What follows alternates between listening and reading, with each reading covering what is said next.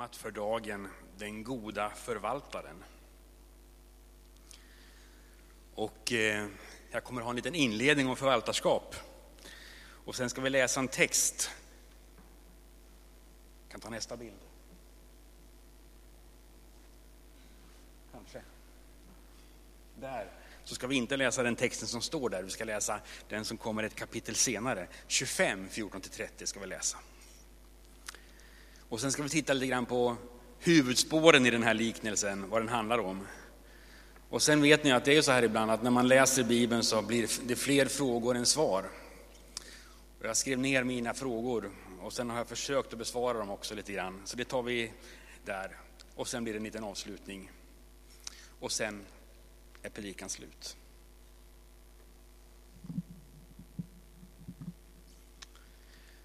Vi börjar med att lägga stunden i Herrens hand.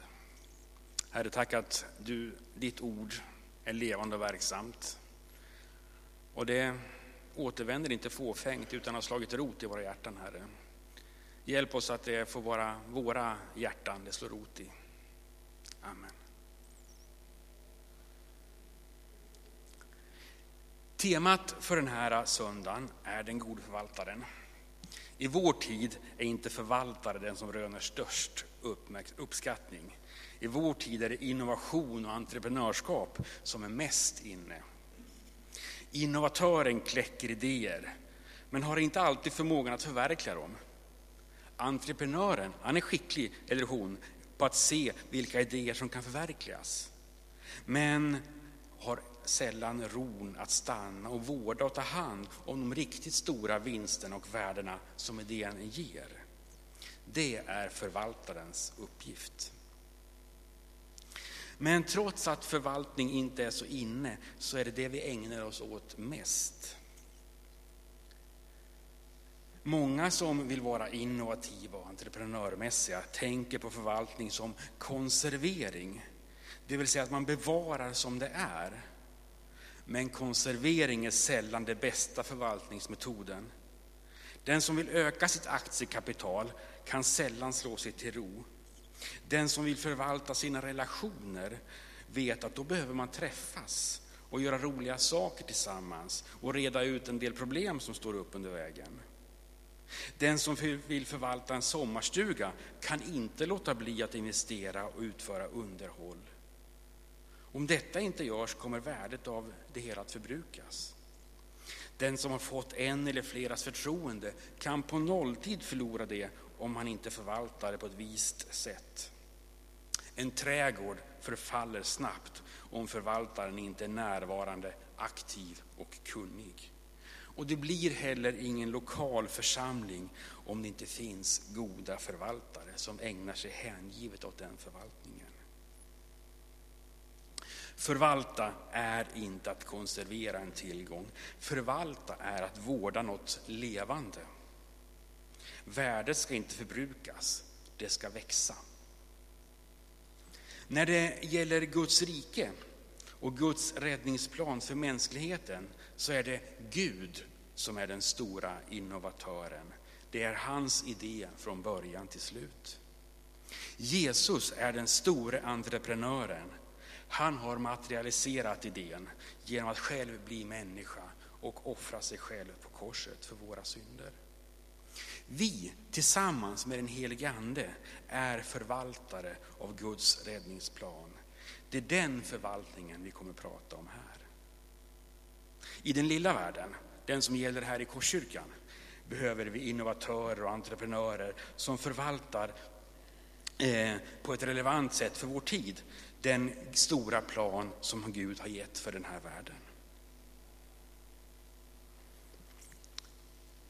Texten vi ska läsa, som handlar om förvaltarskap, den ingår i ett ganska stort ämne. Det är väldigt ofta som Jesus kommer till detta ämne. Vi kommer att läsa på några olika ställen i Bibeln, men vi kommer att vara i det som kallas eh, talet om tidens slut. Och det finns i Matteus 24 och 25. Det är ett tal där Jesus inleder med att slå fast att det kommer att bli svårare tider. Så det är bra att sätta fart och göra det ni ska göra nu. Sen kommer det några liknelser som vill visa på hur lärjungarna ska förhålla sig till den svåra tid som ligger framför. Så huvudpunkterna i Jesu tal blir så här. Förbered er på att det kommer svåra tider. Ta väl vara på den tiden, men vänta inte med att göra det som behöver göras eh, för Guds rike. Och Gud har en plan och han kommer att skipa rättvisa. Och det sista, var uthålliga, räddningen kommer. Det här är huvudpunkten då i det hela talet. Talet är riktat till lärjungarna och kommer ur deras fråga om hur det ska bli i framtiden. Jesus har uttalat sig på den sista tiden lite grann om eh, att det ska bli problem, att eh, han själv ska dö, att templet ska rivas ner och att tiden ska ta slut. Och det här har, ställt, det här har gett lärjungarna frågor. Och det här är svaret då på lärjungarnas fråga. Vad ska hända vid tidens slut? Och hur ska vi kunna veta när det sker?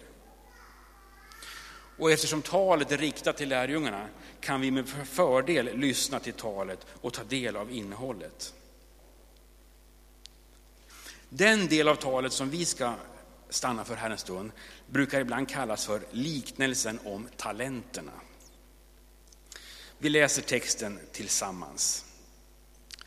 Och vi får stå upp om vi vill, så får vi röra på oss lite grann. Det blir nämligen som när en man skulle resa bort och kalla till sig sina tjänare och lät dem ta hand om hans egendom. Den ene gav han fem talenter och den andra två, den tredje en, åt var och en efter hans förmåga. Sedan reste han därifrån den som hade fått fem talenter gav sig genast iväg och gjorde affärer med dem, så att han tjänade fem till. Den som hade fått två talenter tjänade på samma sätt två till. Men den som hade fått en talent gick och grävde en grop och gömde sin herres pengar. Efter lång tid kom herrens, eh, tjänarens herre tillbaka och krävde redovisning av dem. Den som hade fått fem talenter kom och lämnade fram fem till och sa, Herre, du gav mig fem talenter, här är fem till som jag har tjänat. Hans herre sa, bra, du är en god och trogen tjänare. Du har varit trogen i det lilla. Jag skulle anförtro dig mycket. Gå in till glädjen hos din herre. Den som hade fått två talenter kom fram och sade, Herre, du gav mig två talenter, här är två till som jag har tjänat. Hans herre sa, bra, du är en god och trogen tjänare. Du har varit trogen i det lilla. Jag ska anförtro dig mycket. Gå in och gläd dig hos din herre. Den som hade fått en talent steg också fram Herren sa, han, eh, Herren sa han, jag visste att du är en hård man som skördar där du inte har sått och samlar in där du inte har strött ut. Jag var rädd och gick och gömde din talent i jorden. Jag, eh, här har du vad som är ditt.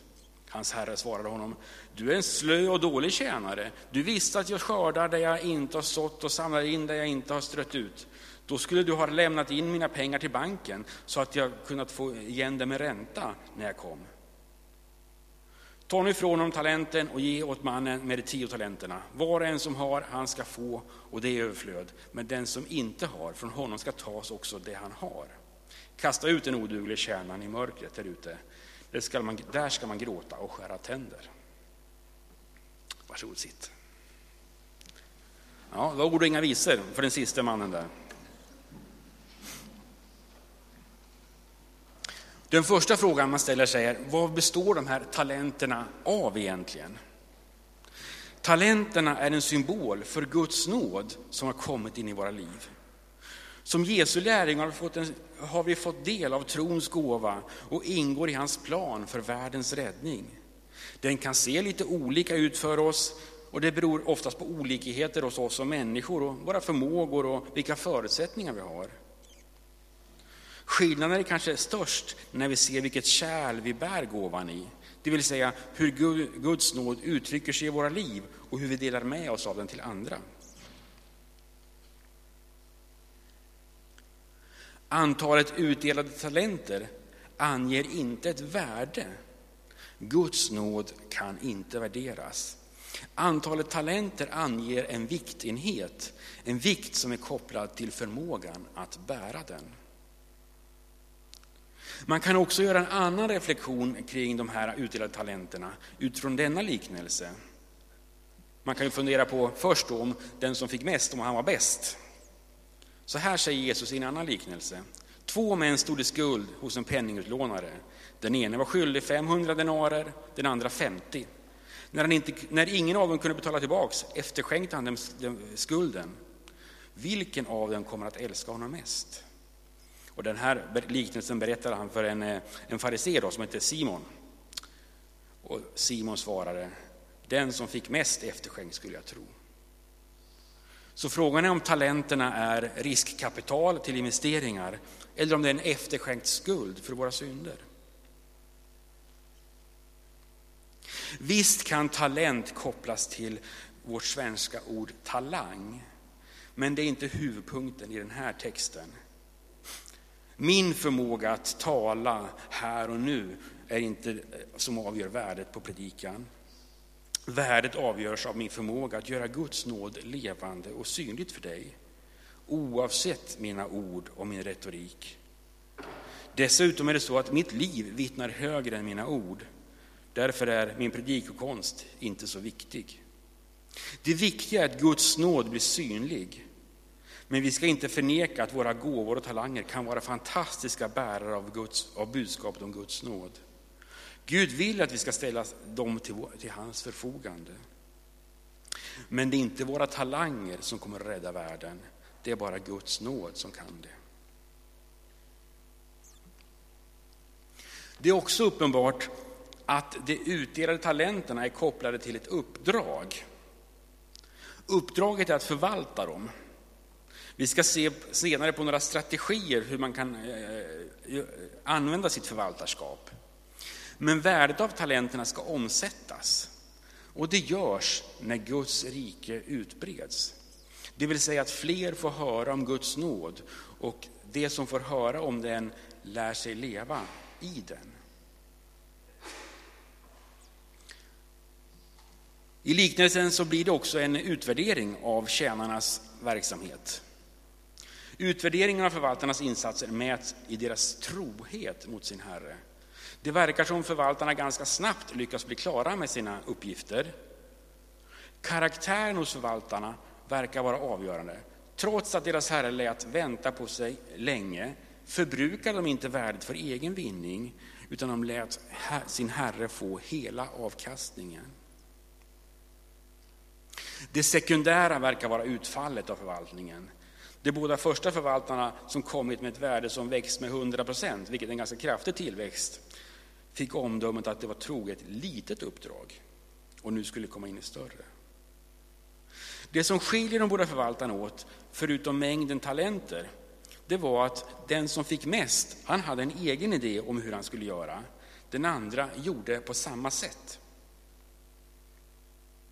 Lärjungaskapet handlar om att ta lärdom av sin mästare. Men alla idéer slår inte rot överallt. Det krävs goda entreprenörer och förvaltare som kan anpassa förvaltningen till det aktuella sammanhanget. Men det är dock en helt annan predikan. Och så kommer vi till den tredje förvaltaren. Den som kom för att avlägga räkenskap och hade endast med sig det han hade fått. Här bränner liknelsen till. Men det var inte det som han hade fått som var orsaken till domen, utan vad han inte hade gjort. Guds problem med oss ligger ofta i vad vi inte gör. För det misstag vi gör och de dumheter vi hittar på, där finns nåden och den är tillräcklig för oss. Men när vi ingenting gör blir vi svårstyrda. Och det är lätt att se på sig själv som en som inte har bidragit så mycket till Guds rike. Vår självrannsakan kan innehålla både obehagliga sanningar och fördömande lögner om oss själva. Oavsett hur det är när du tänker på dig själv så är det trösterikt att veta att det fortfarande finns tid för oss alla att omvända oss.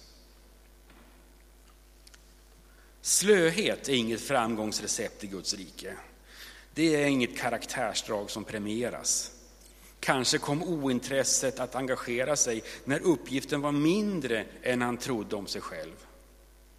Mellan det stora som vi inte kan göra och det lilla som vi inte vill göra finns en stor fara för passivitet. Det är heller ingen framgångsfaktor att anklaga Gud för orättfärdigt handlande och därmed att eh, är, orsaken till att det inte blev något resultat för oss. Det intressanta är att uppdragsgivaren inte försvarar sig mot anklagelserna utan svarar med att säga utifrån din bild av mig fanns det andra handlingssätt. Du har inte varit konsekvent i din övertygelse. Domen över honom blir hård.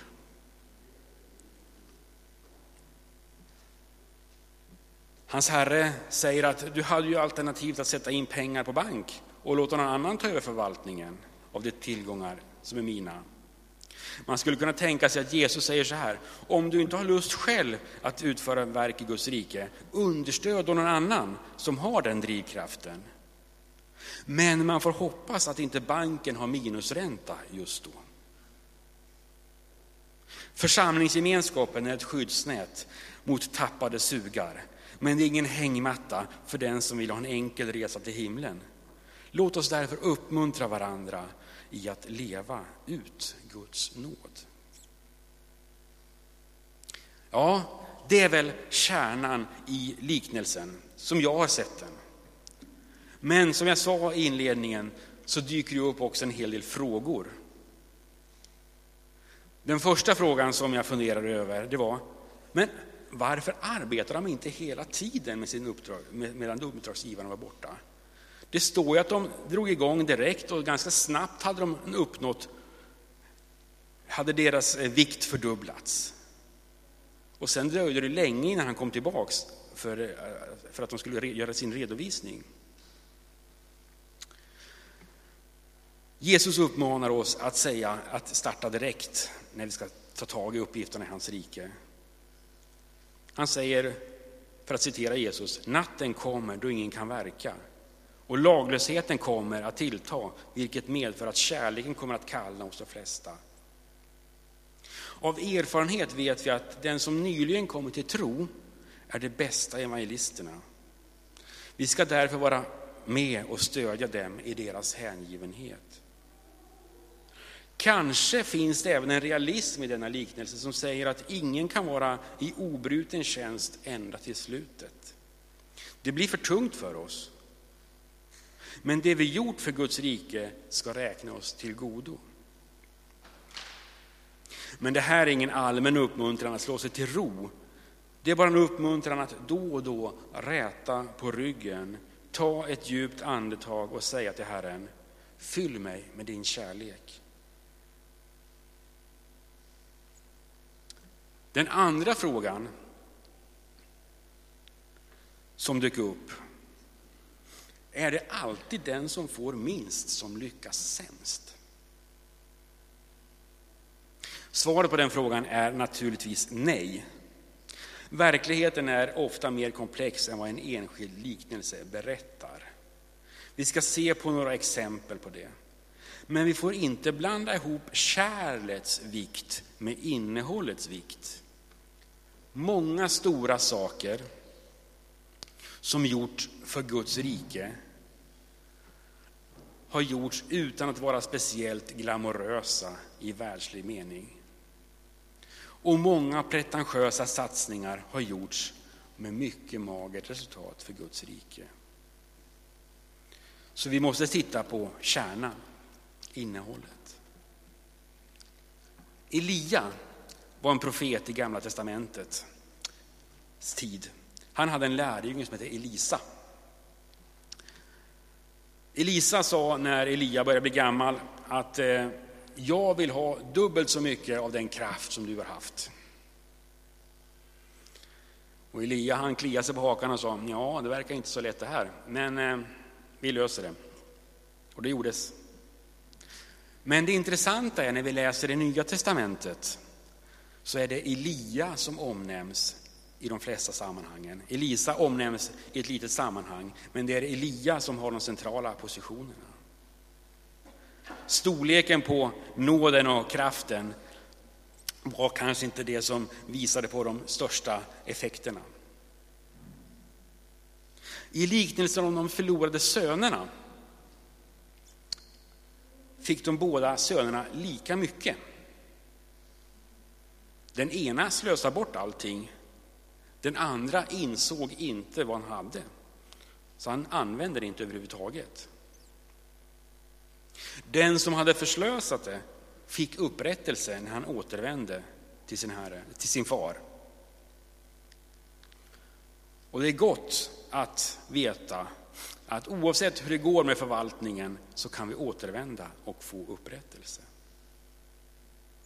Petrus, en lärjunge till Jesus, han fick nog minst 10, kanske hundra talenter. Hans uppdrag var ju att med och grunda den första församlingen. Och Petrus satsar ju alltid högt. Han satsar på att gå på vatten, till exempel. Det är inte så lätt. Men hans kärl var bräckligt. Så Bibelns vittnesbörd om honom var att ibland gick det jättebra, men ibland så föll han djupt. Vägen var krokig, men han utförde sitt uppdrag. Den sista frågan som jag vill ta upp. Förvaltas himmelska och jordiska tillgångar på samma sätt? Ja, både ja och nej. I många av Jesu liknelser börjar liknelsen på ett sätt som är bekant för oss åhörare. Men mot slutet blir situationen ganska skruvad. Om man inte ser skillnaden på principerna som gäller för Guds rike och den vanliga världen. I liknelserna kan man tycka att domen är det kraftigaste laget för något som man inte gjort. Men poängen är att den nåd eller den talent som har kommit över, det är ju att ta vara på sitt liv. Och att inte ta vara på sitt liv kan ju inte leda till annat än olycka. När det gäller förvaltning av Guds nåd och dess likhet med att förvalta ekonomiska tillgångar ligger likheten i att det krävs en helhjärtad satsning. Både när det gäller pengar och Guds rike. Skillnaden ligger i hur våra misslyckanden hanteras. Jesus berättar två andra liknelser om förvaltare. I båda fallen är det förvaltare som har misslyckats och står i skuld till sin herre. Båda ska bli avskedade, men de får sina skulder efterskänkta. Nej, förlåt. Båda står inför avsked. Den ene tänker, hur ska jag nu klara det här? Jo, jag börjar, dela ut, jag börjar förskingra ännu mer av min herres tillgångar så att de som nu har stått i skuld till honom eh, liksom får sina skulder sänkta. De kommer att gilla mig så mycket så att när jag blir avskedad så kan jag bo hemma hos dem. Det är ju rent brottsligt, skulle man kunna säga. Den andra personen han fick sina tillgångar efterskänkta, men han kände att eh, han hade blivit så kränkt så han tänkte minsann kräva ut det som andra var skyldiga honom. Det kan man ju tycka är omoraliskt, men inte brottsligt. När Jesus liksom förklarar liknelsen så säger han om den som då har förskingrat ännu mer, så säger han, det var ju kanonbra gjort. Och det är lite skumt. Medan den andra som hade krävt hos andra hade ett förkastligt beteende. Ja, det är det speciella med Guds nåd. Vi ska inte döma andra hårdare än oss själva. Vi kan inte ta ut våra misslyckanden på andra. Guds nåd måste alltid delas ut, oavsett våra tillkortakommanden. Om vi tillkort, är, gör dåliga saker så ska inte det vara ett skäl att sluta dela med sig av Guds nåd till andra. Tro mig, det finns en speciell välsignelse när vi inser våra tillkortakommanden och ändå säger till Herren, jag vill i alla fall ge nåden vidare till de som finns omkring mig. Vi ska inte döma andra som kompensation för våra brister.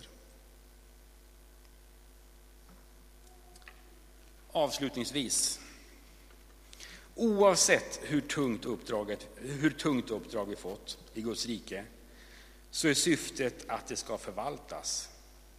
Värdet vi har fått att förvalta är inget yttre, det är faktiskt våra egna liv som bärare av Guds nåd till hans värld.